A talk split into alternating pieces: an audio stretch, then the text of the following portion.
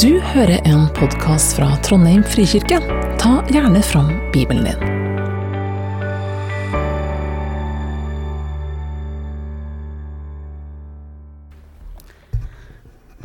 Jeg skal lese fra Matteus 4, vers 23-25. Jesus forkynner og helbreder. Siden drog Jesus omkring i hele Galilea. Han lærte folket i synagogen, synagogene deres, forkynte evangeliet om riket og helbredet alle sykdommer og plager hos folket. Ryktet om ham spredte seg over hele Syria, og de kom til ham med alle som hadde det vondt og led av noen sykdommer eller plage, både besatte, månesyke og lamme. Og han helbredet dem.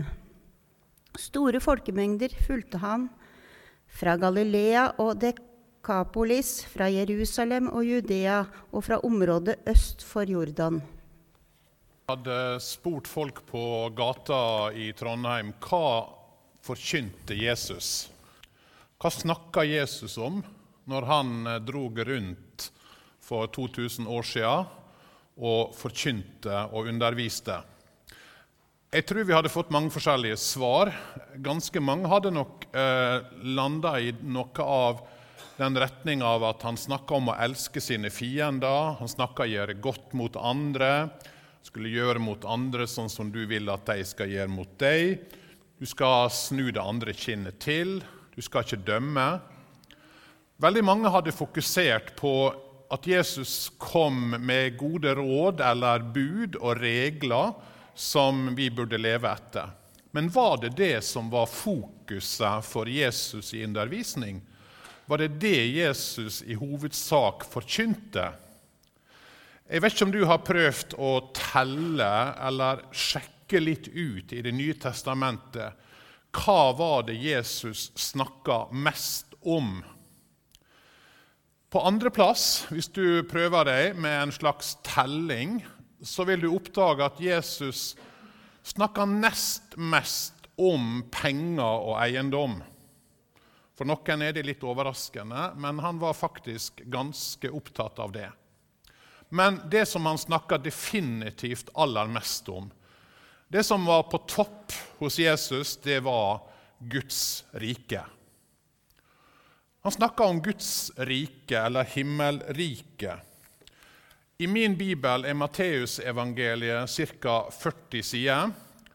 Og Det betyr at når Jesus snakker nesten 60 ganger om Guds rike, så finner du forkynnelse om Guds rike 1,5 ganger per side. Så dette var fokuset for Jesus. Og når Matteus i teksten like før det vi leste, forteller om når Jesus sto fram og begynte sin gjerning, så oppsummerer han hele Jesu gjerning på denne måten. Fra den tid begynte Jesus å forkynne, vend om, for himmelriket er nær. Hvis du vil summere Jesu budskap i én setning, det prøver Matteus på her, så er det dette. Vend om, for himmelriket, eller Guds rike, er nær. Det var kanskje ikke det du hadde oppsummert Jesu budskap med, men her har du essensen, her har du sentrum i evangeliet. Guds rike er nær. Og vi tenker kanskje hva er så bra med det? Er dette godt nytt? For ordet evangelium det betyr jo gode nyheter. Så hva er godt nytt med dette? Ja, kanskje vi må tenke oss inn i situasjonen der dette ble sagt. Hva ville folka som hørte dette, tenke? Da skal vi huske at de hadde en helt annen bakgrunn og kunnskap enn det vi hadde. For deres fokus, deres liv, dreide seg om Det gamle testamentet. Det hadde de lært omtrent utenat, de fleste. Så med en gang de hørte dette, at Guds rike er kommet nær, så ga det dem ganske umiddelbart noen assosiasjoner som vi ikke helt får med oss sånn med en gang. Det ringte ei bjelle hos dem når Jesus sto fram og sa Guds rike er kommet nær. En tanke som begynner helt tilbake igjen i de første kapitlene i Bibelen vår. For der leser vi at når Gud hadde skapt verden, så står det at han skapte mennesket i sitt bilde.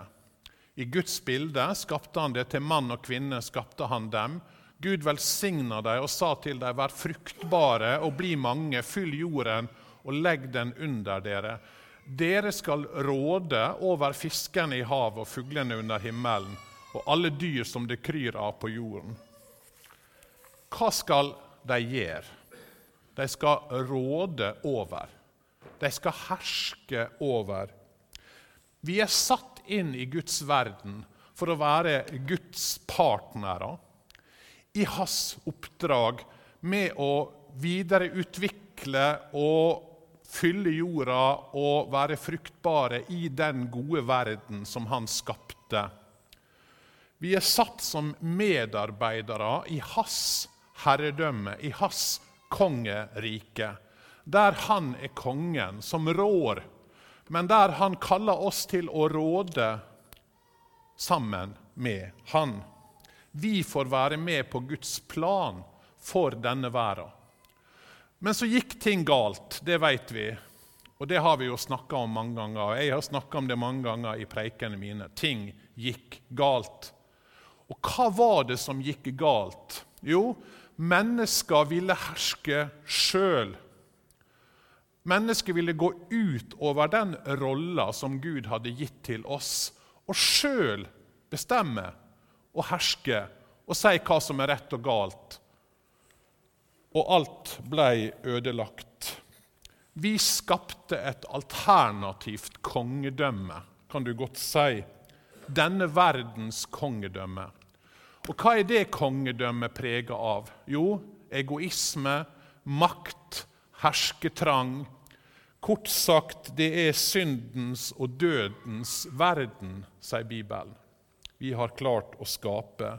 Vi avviste Guds kongedømme og det å være en del av hans plan. Isteden så skapte vi vår egen kongedømme. Hva svarer Gud på det? Ja, Det er den røde tråden vi har hørt om i Bibelen, nemlig at Gud velger seg ut en mann Abraham, og så sier han i deg skal hele jorda bli velsigna. Og så får vi høre om Guds frelsesplan for å ta tilbake igjen den verden som han hadde skapt. Og Han sier 'Jeg vil fri dere ut fra denne verdens kongedømme'. Og Det ser vi når folket er i Egypt. Så er Egypt mer enn bare ei makt. Det er et bilde på denne verdens kongedømme. Og Farao er på mange måter et bilde på alle verdens tyranner som undertrykker og som holder folk nede, og som setter mennesket i slaveri. Og så redder Gud sitt folk, de tolv stammene, ut av Egypt.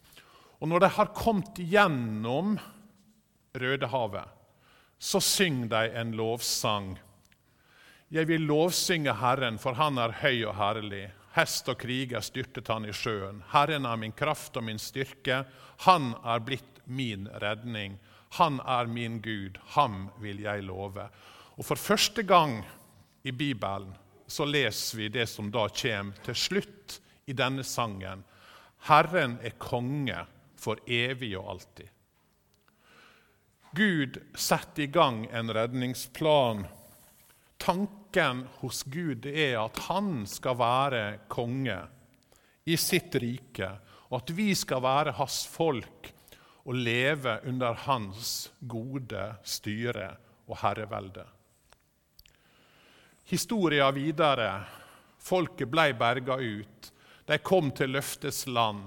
De fikk sine gode konger i David og Salomo. Men gikk det bra?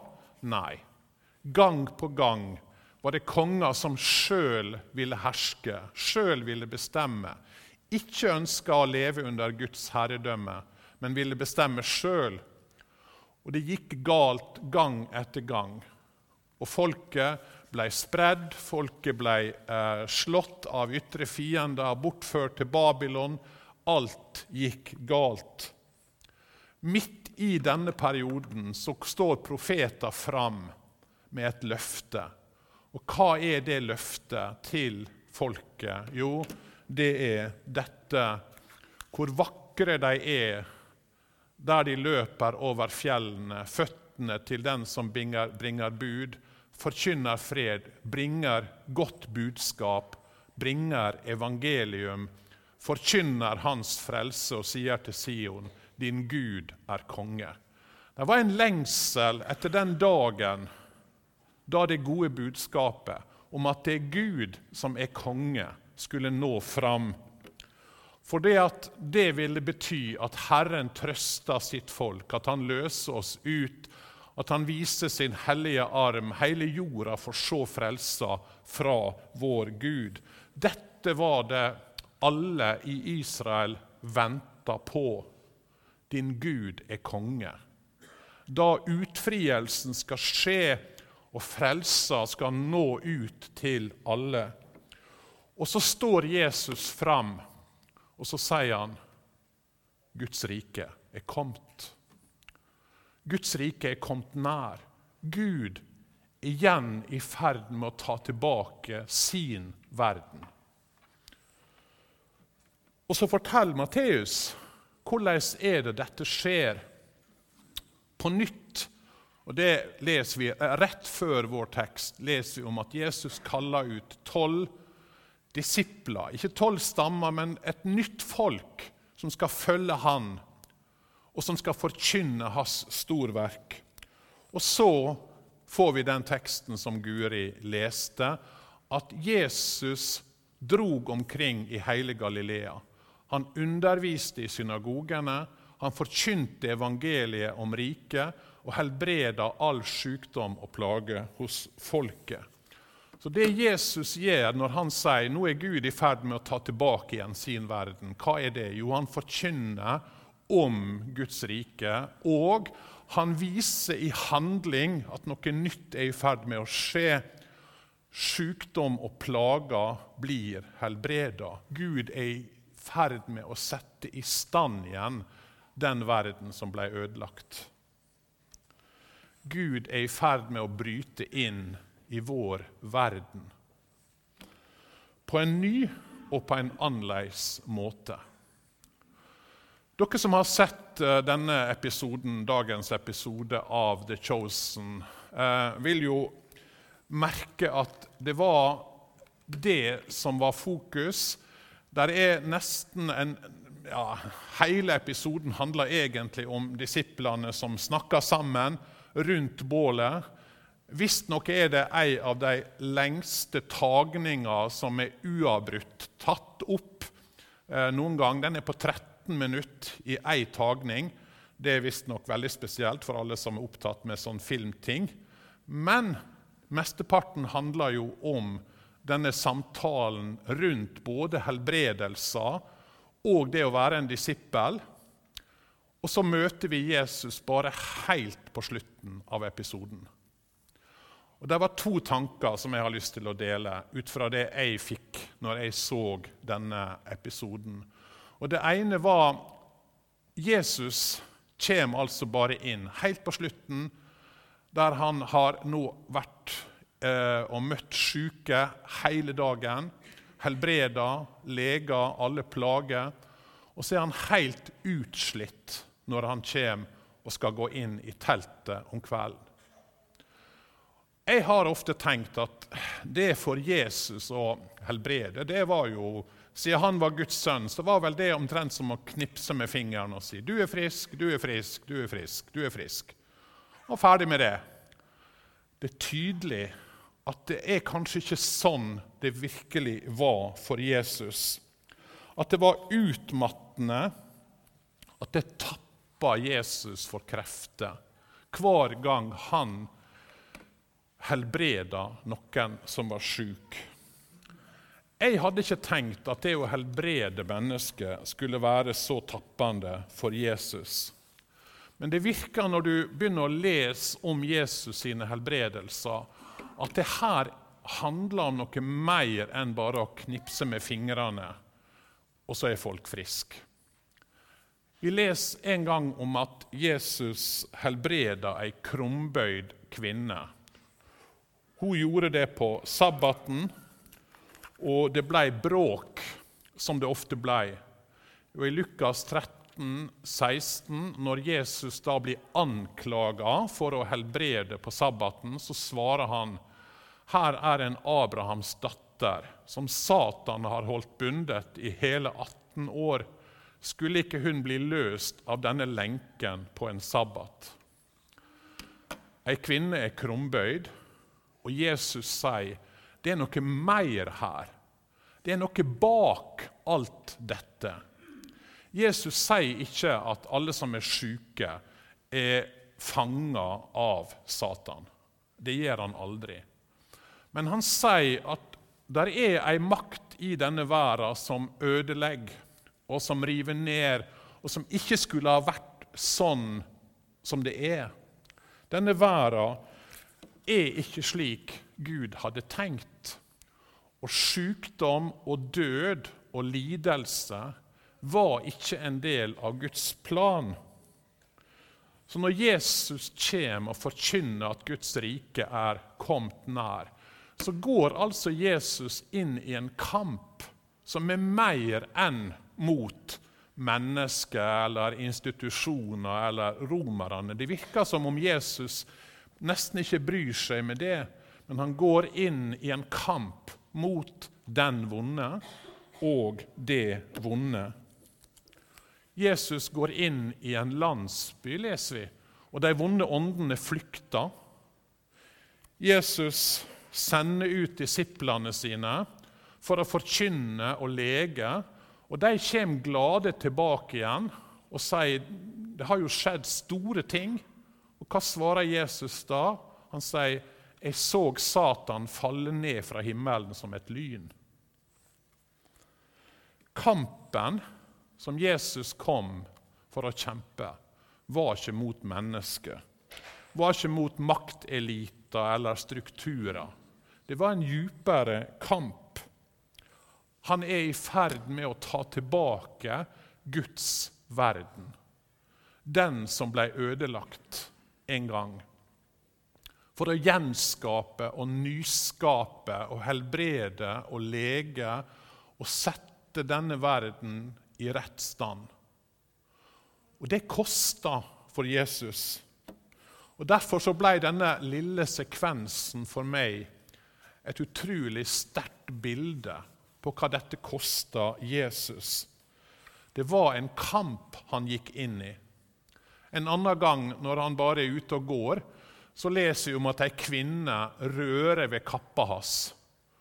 Og, Jesus spør hvem var det som rørte med meg. Og disiplene sier ja, alle rører jo ved det. ikke sant? Det er jo hundrevis av folk her, så liksom, klart noen rørte med deg. Men Jesus sier noe mer. Men Jesus sa det var noen som rørte ved meg, for jeg kjente at en kraft gikk ut fra meg. Denne kvinna ble helbreda idet hun tok borti han. Og Jesus kjente at det gikk ei kraft ut fra han. Han ble tappa for noe når denne kvinna ble helbreda. Jeg skjønner ikke dette helt. Eh, hvordan fungerer dette her? Jeg veit ikke. Men jeg bare Det ga meg et bilde, denne episoden av The Chosen, av én som dette kosta å gjøre. Det kosta å være den som gikk rundt i Galilea og helbreda folk for sykdom og plager. Den andre tingen som jeg merka meg i denne episoden av The Chosen, det var jo når disiplene snakka om dette med helbredelser. Og så sier den ene noe sånt at eh, de tror jo på han fordi han helbreda dem. Ville de tro hvis han ikke helbreda? Og Det er jo et spørsmål som jeg tenker er ganske djupt, egentlig, og som er, vi kan vende mot oss sjøl. Tror vi på Jesus pga. det han gir oss? Tror vi på Jesus pga. at vi får velsignelser? Eller tror vi på han fordi han er den han er? Han er Gud. Jesus han sa jo noe av det samme. Han, han ga jo folk brød i ørkenen, og da kom de jo tilbake igjen eh, dagen etterpå. Og hva sier Jesus? Sannelig, sannelig, det sier jeg dere. Dere søker meg fordi dere spiste av brødet og ble mette, ikke fordi dere har sett tegn. Jesus sier dere søker meg på grunn av det dere får. Og det er en utfordring som jeg tenker vi skal gjerne stoppe litt opp også for. Søker vi Han for den Han er, eller søker vi Han for det Han kan gi oss? For En stund tilbake igjen så leste jeg en artikkel i Vårt Land. Det var en pinsevenn som heter Per Søtorp, som har skrevet ei bok. Den heter 'Kommer ikke far mer'. Per Søtorp han var jo en lovsangsleder og predikant, misjonær, vekkelsestaler. Men han fikk altså ikke de bønnesvarene som han hadde håpt på i livet sitt. Han ba og han ba, og han fikk ikke svar. Og Det førte til ganske djupe anfektelser. Fordi han følte at ja, men Gud, jeg har jo stilt opp for deg hele livet. Jeg har talt og sunget og vært lovsangsleder og stått i vekkelser. Skulle ikke du nå stille opp for meg? Og så sier han altså jeg synes Gud virker veldig pinsevensk i Bibelen, men da må han også levere det han gang etter gang lover. Jeg vet ikke hvor han er med med trua i dag. Det uh, var ikke helt klart for meg når jeg leste den artikkelen hvor han egentlig står. Men hans utfordring er Gud stiller ikke opp. Han må levere. Når han lover gang på gang, så må han også levere. Mange tenker sånn. Hvis Gud ikke leverer, så tror ikke jeg på han heller. For en, eh, det er vel en tre-fire år siden her, så hadde vi besøk av Thomas Sjødin. Noen av dere var her og hørte på han. Eh, denne svenske pinsepastoren som har skrevet flere bøker, og som eh, er en skatta foredragsholder. Og Vi fikk han hit til Trondheim. Det var veldig flott. Veldig kjekt. Jeg fikk gleden av å prate med han kvelden før når han kom. Ehm, så vi satt og prata en hel kveld, og det var utrolig spennende. Og jeg stilte han ett spørsmål som jeg har tenkt på mange ganger. Fordi Thomas Sjødin, som mange av dere vet, han hadde, to, han hadde tre sønner. To av dem var jo alvorlige syke. Karl Petter og Ludvig. Og begge døde jo. Begge hadde en veldig trasig hjernesykdom som gjorde at de bare ble dårligere og dårligere, og til slutt døde de. Karl Petter i 2002, og kort tid etter så døde også Ludvig. Det var jo mange som ba for dem, men de ble altså ikke friske. Og han har skrevet en fantastisk bok eh, om akkurat den opplevelsen og tankene rundt de to guttene sine. Men jeg spurte Thomas når vi satt og prata og så sa jeg liksom Nå har jo du stilt opp for Gud så mange år. Du har vært pastor, du har på en måte ja, gjort så masse for Gud. Har du tenkt at Gud burde kunne stille opp for deg og gjøre de to barna dine friske når du har stilt så masse opp for han? Og Så svarte Thomas at jo, det har jeg tenkt. Men, sa han, Gud er jo ikke sånn. Gud er jo ikke sånn. Vi søker ikke Gud for det han gir oss, sa Thomas Sjødin. Vi søker Gud for den han er. Jobbs bok har noen av dere lest. Der møter vi anklageren Satan. Og hva er det han anklager Jobb for? Jo, han sier det at eh, Han sier til Gud, 'Jobb, han tror på deg fordi du velsigner han. Ta bort alle velsignelsene, og så skal du se at han forbanner deg.' Det er liksom plottet i Jobbs bok. At vi mennesker vi tror på Gud fordi Gud velsigner oss. Fjern velsignelsene, og hva er da igjen?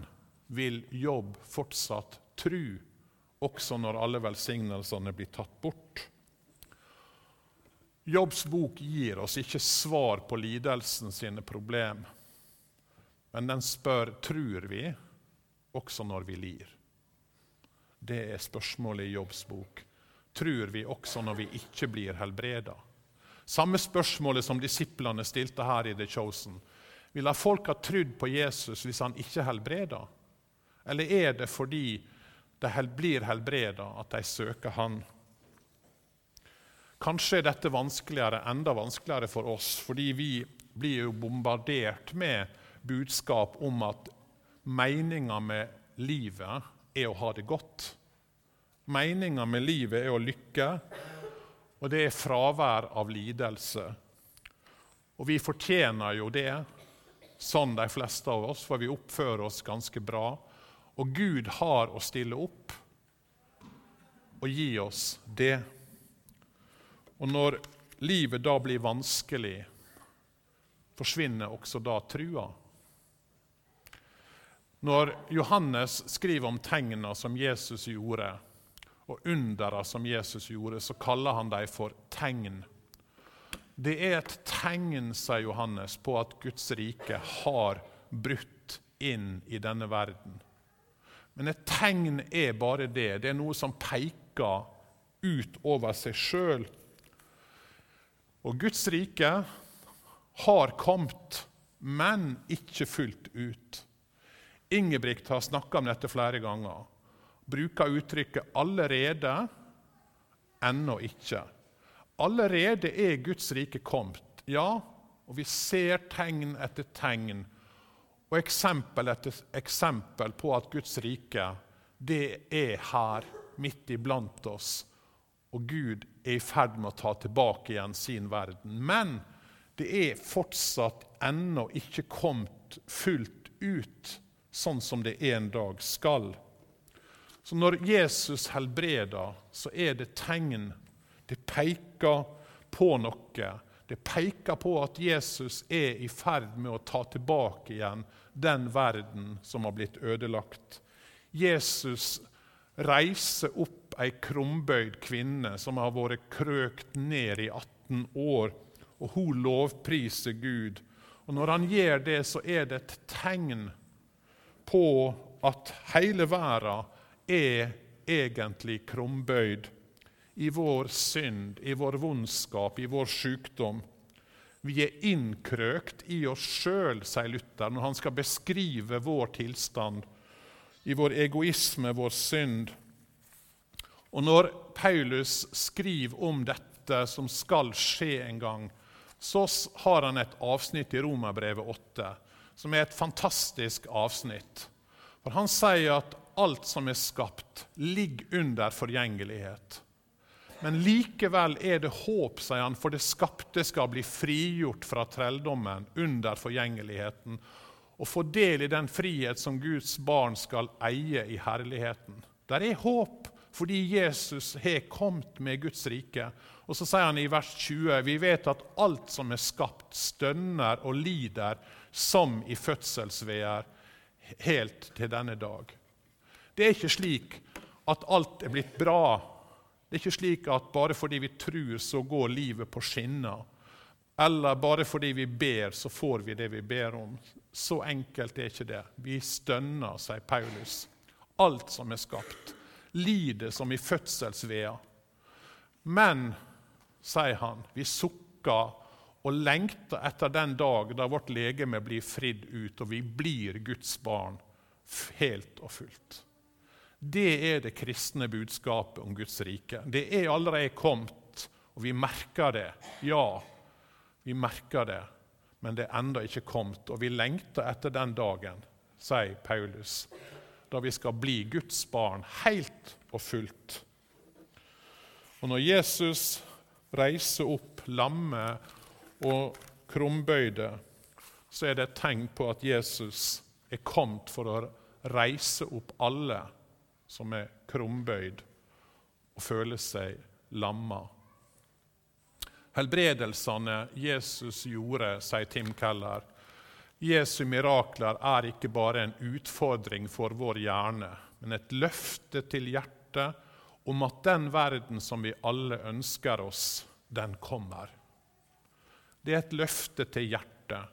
Den verden som vi skal være fullt ut Guds barn, den kommer. Guds rike er kommet nær, sier Jesus.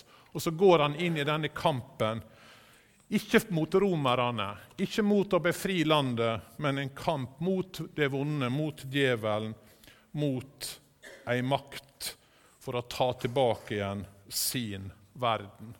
Og så blei folk den tida skuffa. For de hadde håpet at Jesus skulle gjøre ende på romerne si hersking og si undertrykking. Og så var Jesus en annerledes konge. De ønska seg en konge, og de fikk det, men de fikk en konge som ble hengt på et kors med innskrifta 'Jødenes konge'. De ønska seg en seierherre. Ja, de fikk det, men de fikk en seierherre som seira over djevelen og dødens og den vonde si makt. De ønska å bli berga fra undertrykking og vondskap, og de fikk det, men Jesus gikk djupere enn til bare den ytre vondskapen. Han gikk inn i hjertet og berga oss, ikke fra den overfladiske, men den djupe vondskapen i hjertet våre. Han steg fram, og så sa han, 'Vend om, himmelriket er nær'. Og mange tok ikke imot fordi de hadde venta en annen slags konge. Men for den som ser Jesus som den han er, den sanne kongen i Guds rike, så er dette et fantastisk evangelium. Det er et fantastisk evangelium at han er kommet for å ta tilbake igjen den verden som ligger i det vonde. Han er kommet for å sette oss i frihet, for å berge oss fra synd og død og djevel og alt som vil ødelegge. Og så sier han en dag skal dere få se det fullt ut. Den dagen lengter vi etter. Men mens vi lever her, så lever vi i det Guds rike som Jesus kom med vi får ta del i dette riket. Vi får ha Han som vår konge og som vår frelser. Et evig liv som begynner allerede nå, og som skal vare i all evighet. Jesus, takk for at du kom for å bringe Guds rike inn i vår verden. Den verden som er full av så mye som vi kjenner på som vanskelig og tungt og ødeleggende.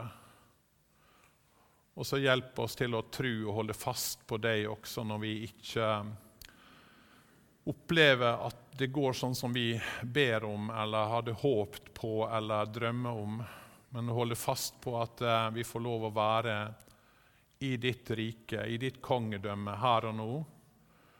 Og en dag så skal vi få se det fullt ut. Takk for at du hørte på. Velkommen til gudstjeneste søndager klokka 11.